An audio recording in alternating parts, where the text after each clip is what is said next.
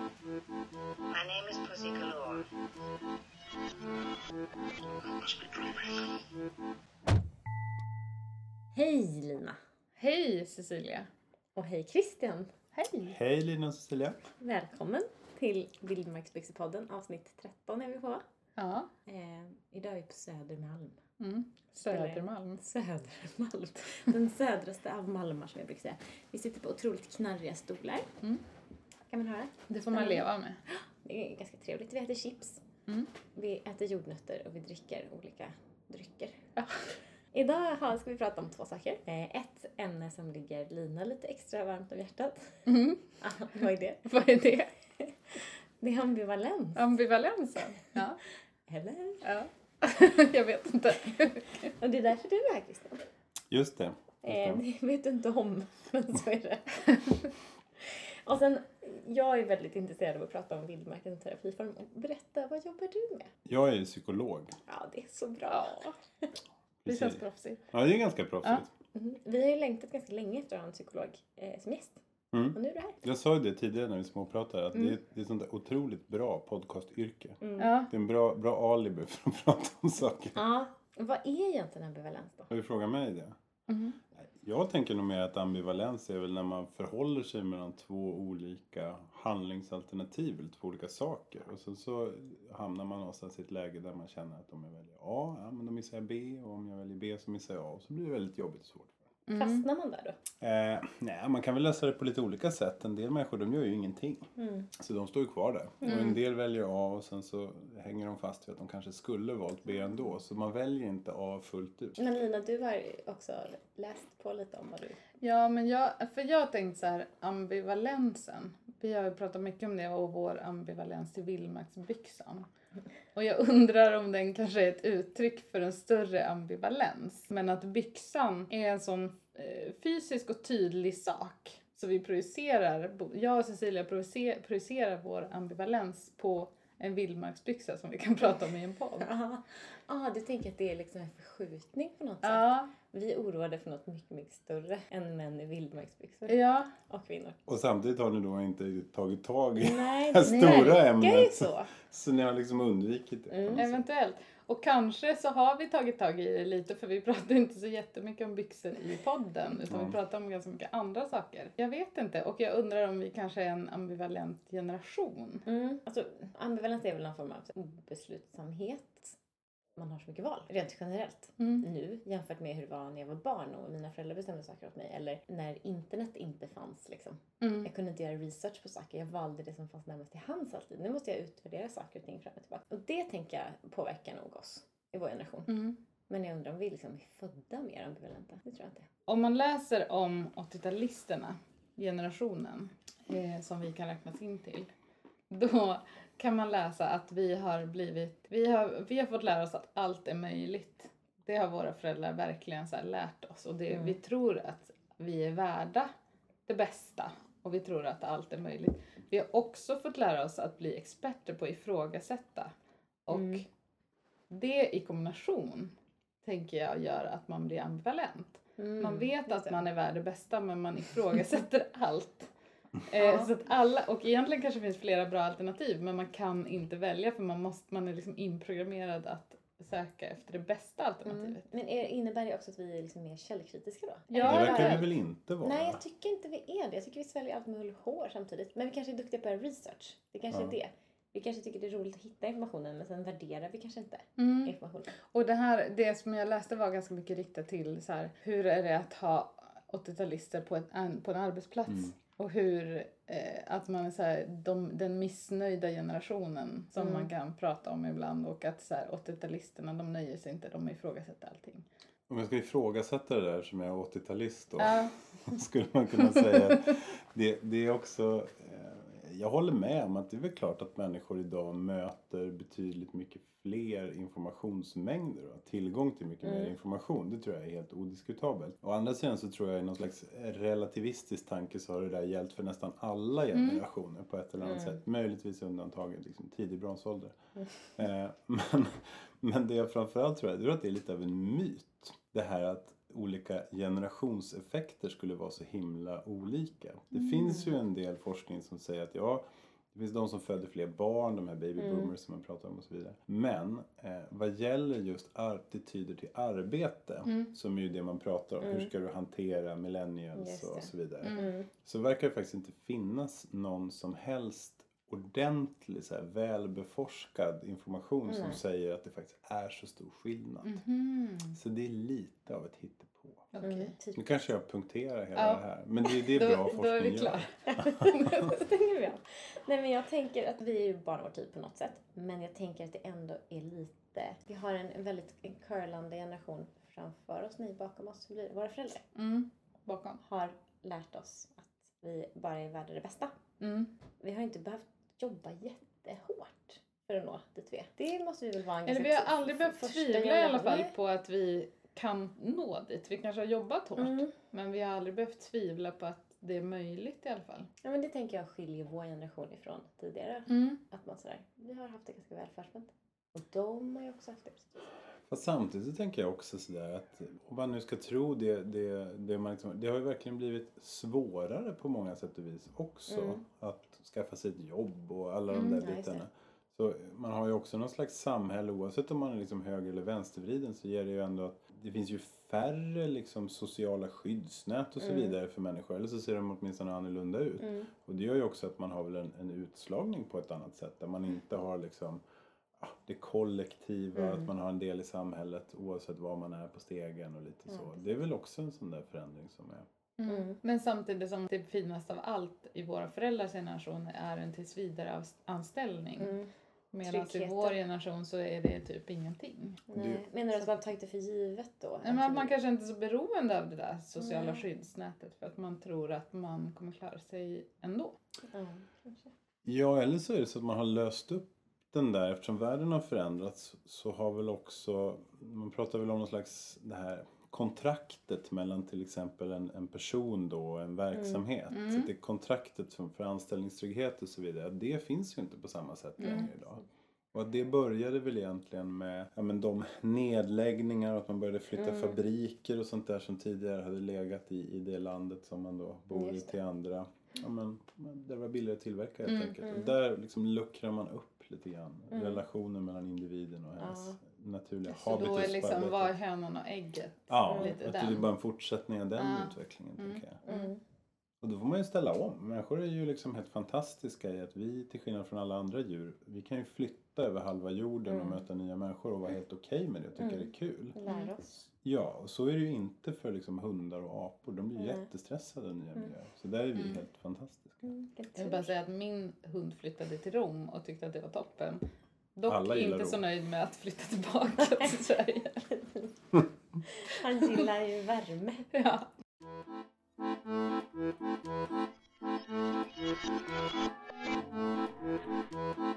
Men Lina, du hade hört eh, häromdagen berättade du att eh, det var någon eh, konsumtionspsykolog som hette Jonas Hjalmar Blom. Mm.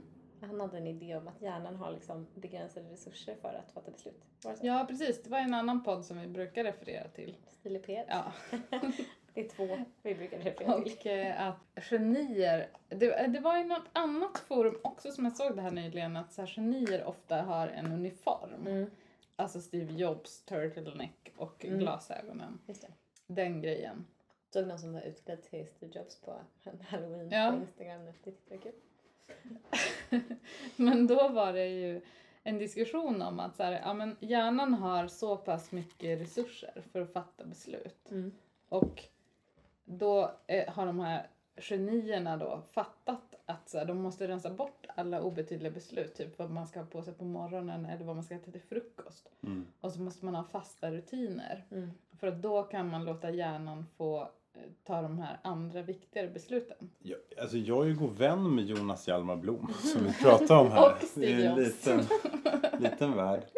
Eh, Jag tror så här. Jag tror inte att det är hela sanningen. Jag, jag tror att det handlar om tidsbesparande i någon mening. Men Ja. jag tror inte att det är så medvetet. Jag tror att det bara Mm. blir så helt Mm. enkelt. Och sen tror jag också att eh, som Mark Zuckerberg med sin gråa t-shirt. Mm. Alltså han behöver ju inte anstränga sig. Nej, men har inte, för Mark Zuckerberg tänker jag att han är sitt varumärke så mycket. Ja. Han skapar myten om Ja, sig själv genom att ha en grå Ja. t-shirt på sig. Steve Jobs, jag tror inte att det började så, men sen så förstod han det här är ett jävligt vinnande Ja, koncept. jag tror också. Men också det är så här, en industridesigner har fotriktiga skor och svarta Mm. kläder. Alltså det är ju inte bara Steve Jobs som kanske var extra medveten eventuellt. Men Mm. att man har, alltså en uniform är väl också kanske en trygghet. Angela Merkel har Mm. jättemånga kavajer fast visserligen i olika färger men det är ju Mm. lika mycket en uniform. Ja men så är det. Och att man i sitt skrå har det. Ja, Precis. Eller har ni det så i era liksom, yrken? Ja, det skulle Mm. jag säga. Mm. Jag, jag tänker att man socialiseras in i det. Mm. Jag hade en kollega som, som när han jobbade hos, hos en annan verksamhet så fanns det en kvinna där som var otroligt duktig. Och då frågade Tim sådär, vad, vad, ska jag tänka på? Alltså verkligen allt. Mm. Så här, nu när jag är ny här. Mm. Eh, ja, så Sara som den här kvinnan heter. Ja, men vad, vad, på vilken nivå vill du ha den här feedbacken? Och Tim som är en öppensinnad kille han sa, ja men allt. Precis allt. Mm. Du behöver byta din väska. Eh, jag tror att han hade en ryggsäcksväska. Mm. Och hon tyckte att han skulle ha en portfölj.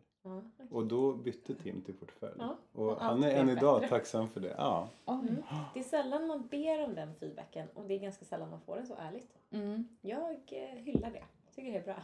Om man jobbar inom mode så får man den informellt. Ja, I form av uppmuntran om man Mm. går åt rätt håll Ja. så att säga. Men man kan också få en lite besviken blick om man har något fel. Ja, om man är extra uppmärksam. Ja, vilket man ju Men får man det? För jag tänker att i en Ja. sån värld så, så är alla lika osäkra.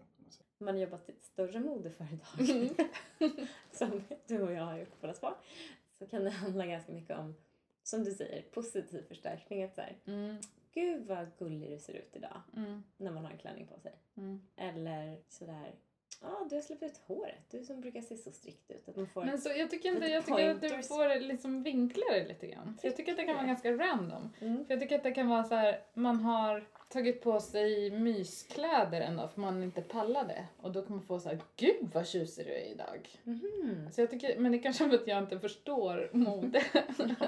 men det är liksom, det är inte så att man behöver se gullig ut eller ha utsläppt hår eller läppstift liksom. Nej. Men jag tänker lite som med de här eh, alltså, eh, genierna då, som klär sig på Mm. samma sätt. Någonstans där finns ju en, en...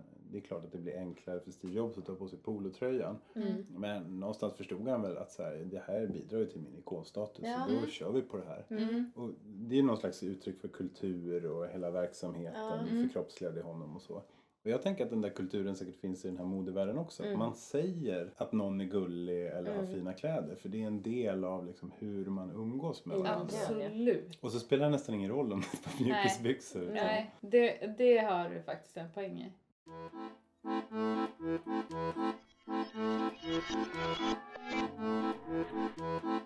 Har du några vildmarks... Ja, jag har faktiskt ett par bilder. Har du Sobrella? Jag har uh, Fjällräven, vad heter den här klassiska, fast den med panel fast inte stretch. Mm. Supersunkiga som jag har köpt för 200 spänn på Blocket för att det var rostfläckar på dem. Mm. som ersatte mina gamla vildmarks. Men sen har jag ett par seglarbyxor och ett par skidåkarbyxor. Mm. Men alltså mode som maktmedel är ju världens äldsta ämne. Ja. Det har ju lite med det att göra. Jag satt på en utbildning en gång och det, tjejen som satt bredvid mig, hon var helt nyanställd också. Hon hade på sig Christian Louboutin boots som var liksom, klacken var kanske 12 centimeter. Mm. Eh, och så hade hon eh, craft underställsbyxor. Det här har du pratat om tidigare. Mm. Mm. Och så hade hon en jävligt eh, snygg eh, liksom, skinnjacka. Säkert typ en Rick Owens skinnjacka, jättedyr. Så bodde Mm. hon i en våning på Nybrogatan. Och jag bara liksom såg framför mig hur det skulle se ut som jag hade på mig människan. Hur dåligt det heels. Men, men hur bra det funkade för henne. Och då kände jag liksom att jag var den mindre människan. Hon vann. Hon liksom. vann så Ja. himla mycket. Hur såg man att det var craft? Var det liksom en sån Jag här... såg craftmärket här. Ja, ja, jag fattar. Man fick se det under namnet. Han var så jävla snygg det. Och då tänkte jag att herregud det där är så Det är makt. imponerande. Ja, det är sånt jävla maktmedel. Vi pratade lite innan, men det fick vi inte med på inspelning, om eh, varför det finns så mycket podcasts som handlar om terapi just nu. Mm. Vi nämnde några stycken. Eh, Psyket. Psyket. Emmy Raspers podd. Eh, sjuk i huvudet. Mm. Eh, jättemånga fler. Positiv psykologi. Mm. Hjärnpodden. Mm. Eh, ja. Och sen finns det ju jättemånga så här kändispoddar som handlar om terapi. Där olika kändisar berättar om att de har gått i terapi och försöker liksom marknadsföra terapi till Mm. allmänheten. Och också väldigt mycket poddar om vetenskapliga poddar om hjärnan Mm. och hjärnans funktion. I kölvattnet från den här Thinking Fast and Slower. Mm. Jag vet inte. himla genom... En av de tråkigaste böckerna man överhuvudtaget kan Ah, företa sig att läsa. Tid det tog. Vi har pratat om den innan va? Ja, det har vi kanske. Jag kände att jag fick mycket verktyg med mig för jag inte visste så mycket om hjärnan innan. Men det var seg. Jag har inte kommit igenom den. Nej. Daniel Kahneman som skrev den har ju sagt att han fick någon slags kris när han skulle skriva den. För han blev superorolig för att hans forskarkollegor skulle tycka att han var för enkel. Aha. Och samtidigt så ville han ju skriva en bok som folk kunde förstå. Ja. Så han valde Ja. den här mellanvägen Åh, där det nej, bara det blev segt och tråkigt och för mycket. Vi pratade också lite grann om huruvida liksom, terapi är så pass inne så att det börjar gå över. Är vi färdiga? Har vi nått peak, Peak terapi? terapi. Ja. Är, terapi, är terapi den nya crossfiten? Ja. Och är det i sådana fall över? Mm. Eller Och pågår är det? crossfiten över? Jag tänker att den är är lite i full swing. Ja, vi är, Ja. vi är det peak crossfit och peak terapi. Jag tror de följer, jag tänker att de kanske följs åt. Mm. Kanske eh, terapi strax bakom. Finns det ett samband? Finns det ett samband mellan crossfit och terapi? Har, har du stött på tights. många crossfittare i terapisammanhang?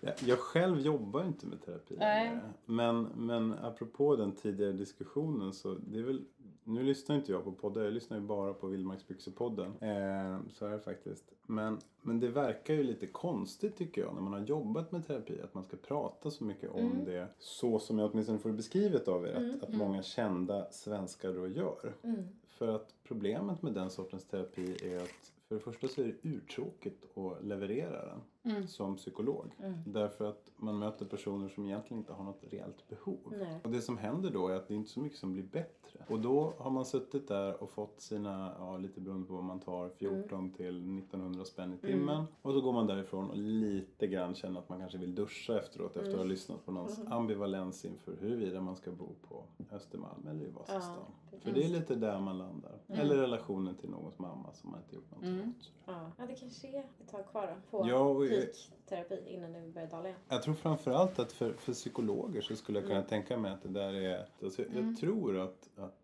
Folkhälsoinstitutet har någon sån här gräns för när någonting är en folksjukdom som ligger Okej. på ungefär 2% av befolkningen som lider av det här samtidigt. Och många olika former av psykisk ohälsa de ligger liksom över den gränsen. Så att i fråga om hur många svenskar som är drabbade av någonting. Så på så sätt kan jag ändå tycka att det är lite sympatiskt att liksom ändå lyfta upp saker som är kanske inte allmängiltiga men ändå påverkar rätt många människor. Det, det tycker jag är ganska okej.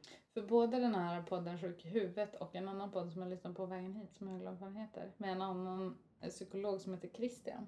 Mm, vad Eh, härligt. De är bra en de psykologerna. eh, handlar just om, den här, han är ju psykolog då men de andra två de har diagnos Mhm. och vill liksom dela med sig av det här. Mm. Alltså göra, ge sin diagnos ett ansikte. Ja, eller en röst.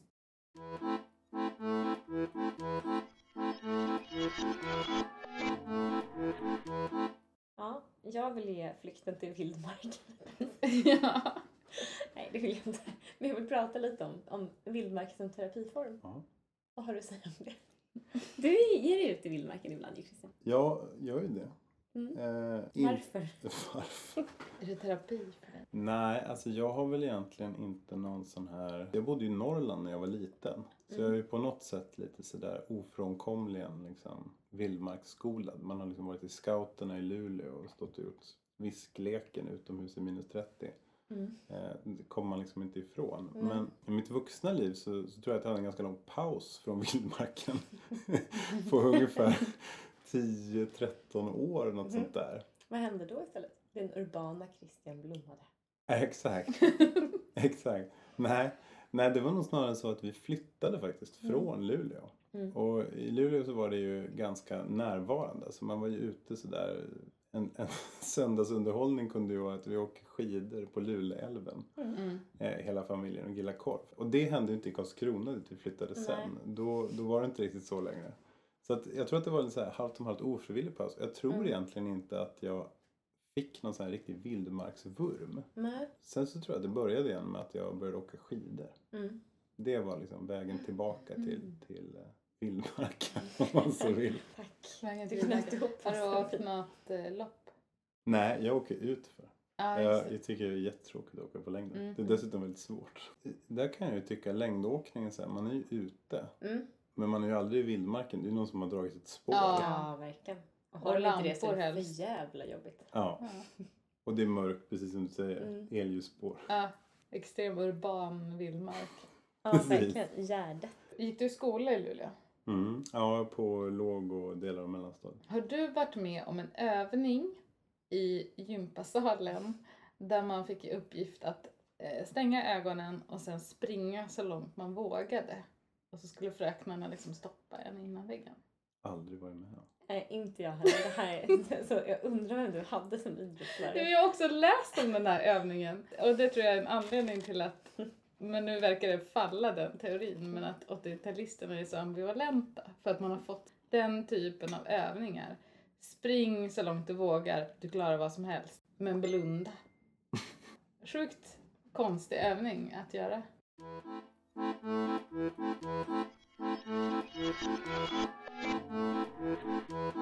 Men, men, men om man går tillbaka till den här ursprungliga frågan med vildmarken som terapi. Mm. En liten sidetrack. Alltså det är ju ganska spännande. Vi började någonstans att prata om mängden intryck och att Mm. hjärnan har en begränsad kapacitet och sådär. Och det, det stämmer väl i någon mening att mängden intryck säkert är mycket, mycket större.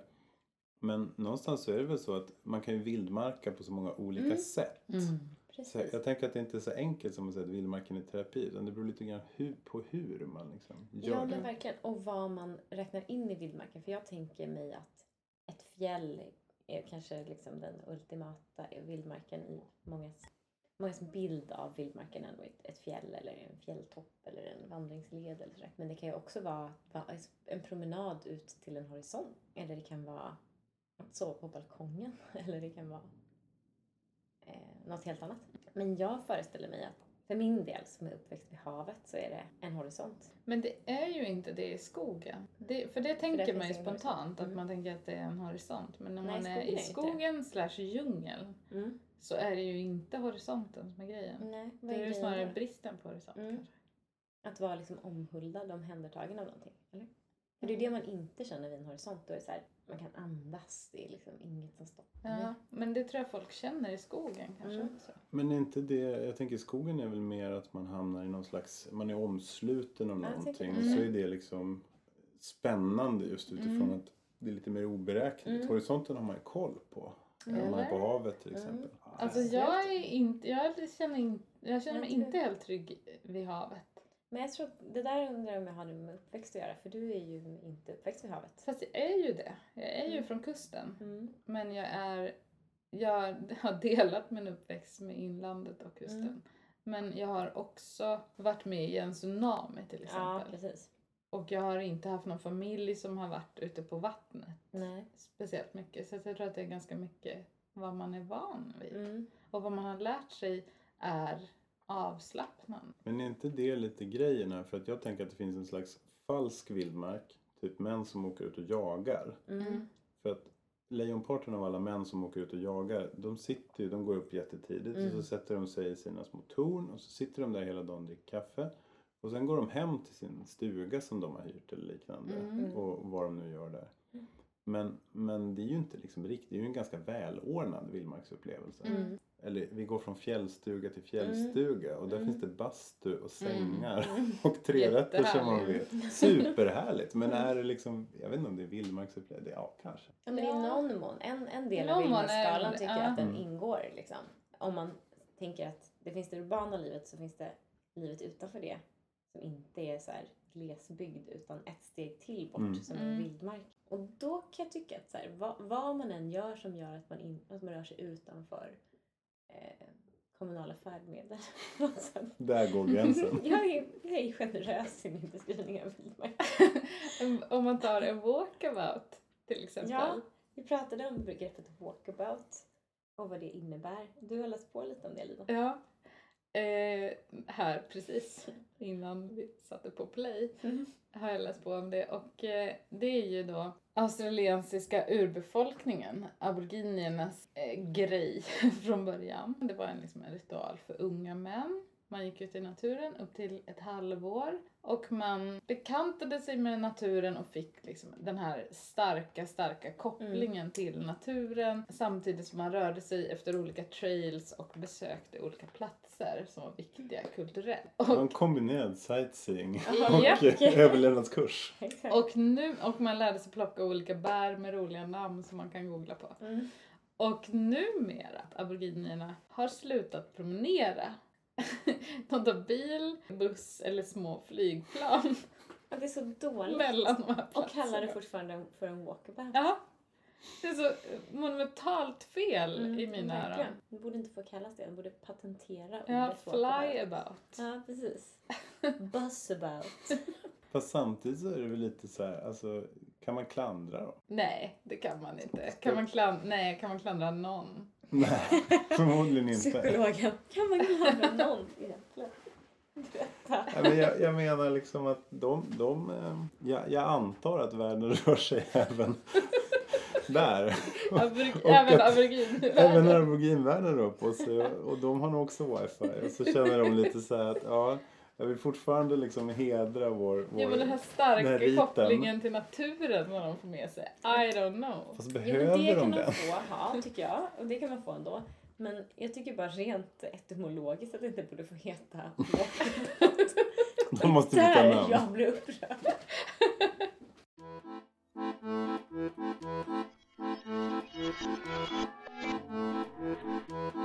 Det här med terapi som vildmark eller vildmarken som terapi. Och där undrar jag varför man blir lugn av naturen. Är det tystnaden? Är det bristen på gatlyktor? Kanske är det bristen på olika intryck. Alltså att det händer ingenting. Så man behöver liksom inte undra heller. Om man är hemma eh, i Vasastan så ser man inte vad som händer. Plus att man vet att det händer massa grejer.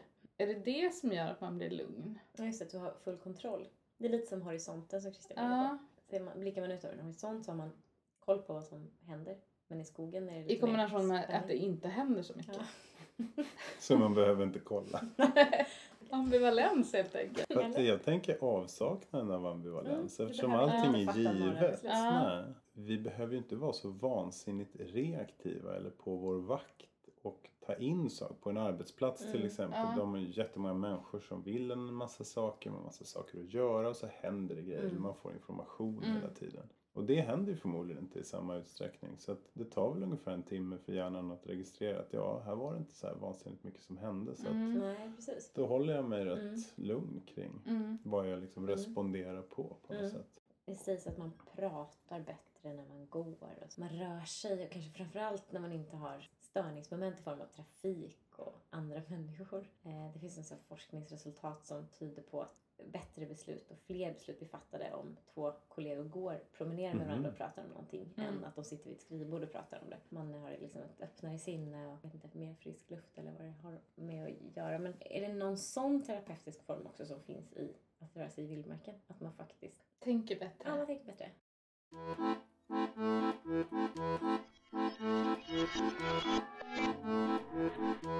Jag har skrivit att Kristina har köpt en ny båt. Ja.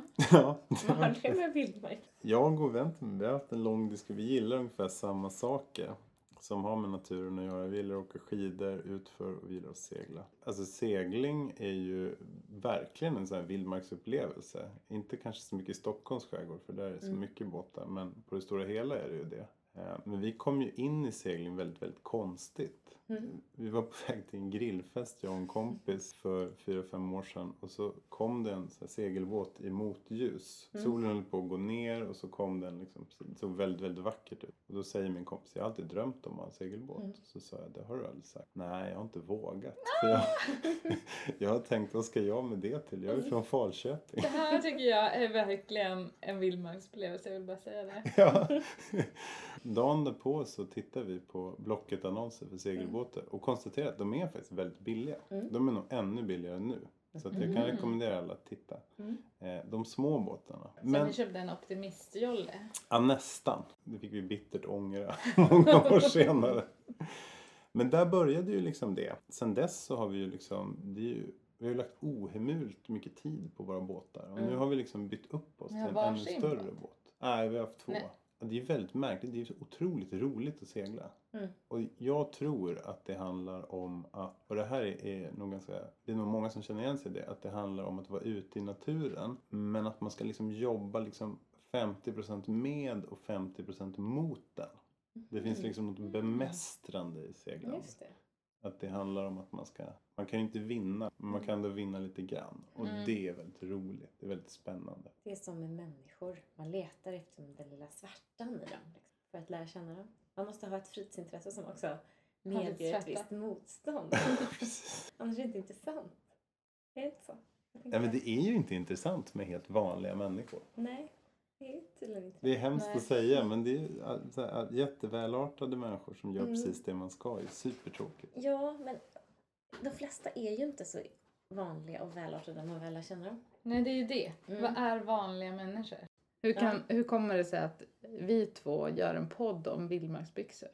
Vad är det i oss eller mänskligheten som gör att Ja, det här uppstår? vad är det i, i mänskligheten som gör att 130 personer väljer att lyssna på en podd om vildmarksbyxor? En pladdrig podd om, som inte handlar om vildmarksbyxor. Ja. Men om man tar själva den här byxan, den står väl för någonting? Vad är det då? Ja. Det är det vi inte vet. Men umgås ni med sådana här fantasier om att liksom kasta allt, sälja lägenheten, Mm. på med fjällrävenbyxorna och liksom den här Into the Wild historien? Är det liksom en dröm som ni när? Nej, jag skulle inte säga att det är en dröm. Men det är en bild som finns av att det finns en möjlighet att göra det. Mm, Mm. Exakt så känner jag. Jag kan dra och bara ta på mig vildmarksbyxorna och då försöker jag liksom nära den drömmen om att jag ska klara det genom att lära mig saker om vildmarken. Det tror jag finns i Mm. mig. Jag har absolut ingen längtan till det. Det är Nej. en gameplan om allt skiter sig liksom. Så vill jag att det ska funka. Och det är liksom inte så här efter katastrofen. Nej. utan det Nej. är liksom om allting går fullständigt Mm. fel. Eller om man typ inte pallar mer. ja, flykten till vildmarken. Ja, flykten. Det Mm. behöver inte vara att allt skit. Det kan vara att allt skiter sig, men det måste inte vara att allt skiter sig. Det kan vara också att man bara Att man gör en walkabout. går på en walkabout eller tar en driveabout. Men då behöver man ju ingen byxa. Alltså då kan man ju vara utan byxa, ingen kommer märka det. Nej, precis. Men är det, är det på riktigt? Att du tänker att det här är en... Det här skulle vara en möjlighet. Om det värsta händer och Mm. jag bara behöver lämna allting. Då ska jag klara det. Och nu har jag förberett mig för det genom att ha min hemliga garderob. Och. Nej, tyvärr inte, är det inte helt sant. Men jag skulle vilja att det var sant. mm. Men om man Förstår skulle sälja alla sina byxor, Ja. är det verkligen vildmarksbyxor man Nej. skulle spara då? Nej, jag tror inte det. För man kan få hyfsat betalt för den. Ja. Och det, det kanske inte är favoritbyxan även Nej. om det är en bra byxa. Nej, jag skulle ju inte vilja leva i stretchpanel. liksom. Jag har ju betydligt större användning av ett par helt vanliga jeans. Vi låta dessa kloka ord avsluta det här avsnittet. Ja, jag tror det. Vi har... vi har inget badnytt för den här veckan. Nej, vi har inte det. Klart slut. Nej, men tack så jättemycket Christian. Ja, tack. Med. Tack så mycket för att jag fick vara med. Jättekul att ha dig här. Den enda podd jag någonsin lyssnat på. vi är stolta och glada. Hej då. Hej då. My name is Pussy Galore. I must be dreaming.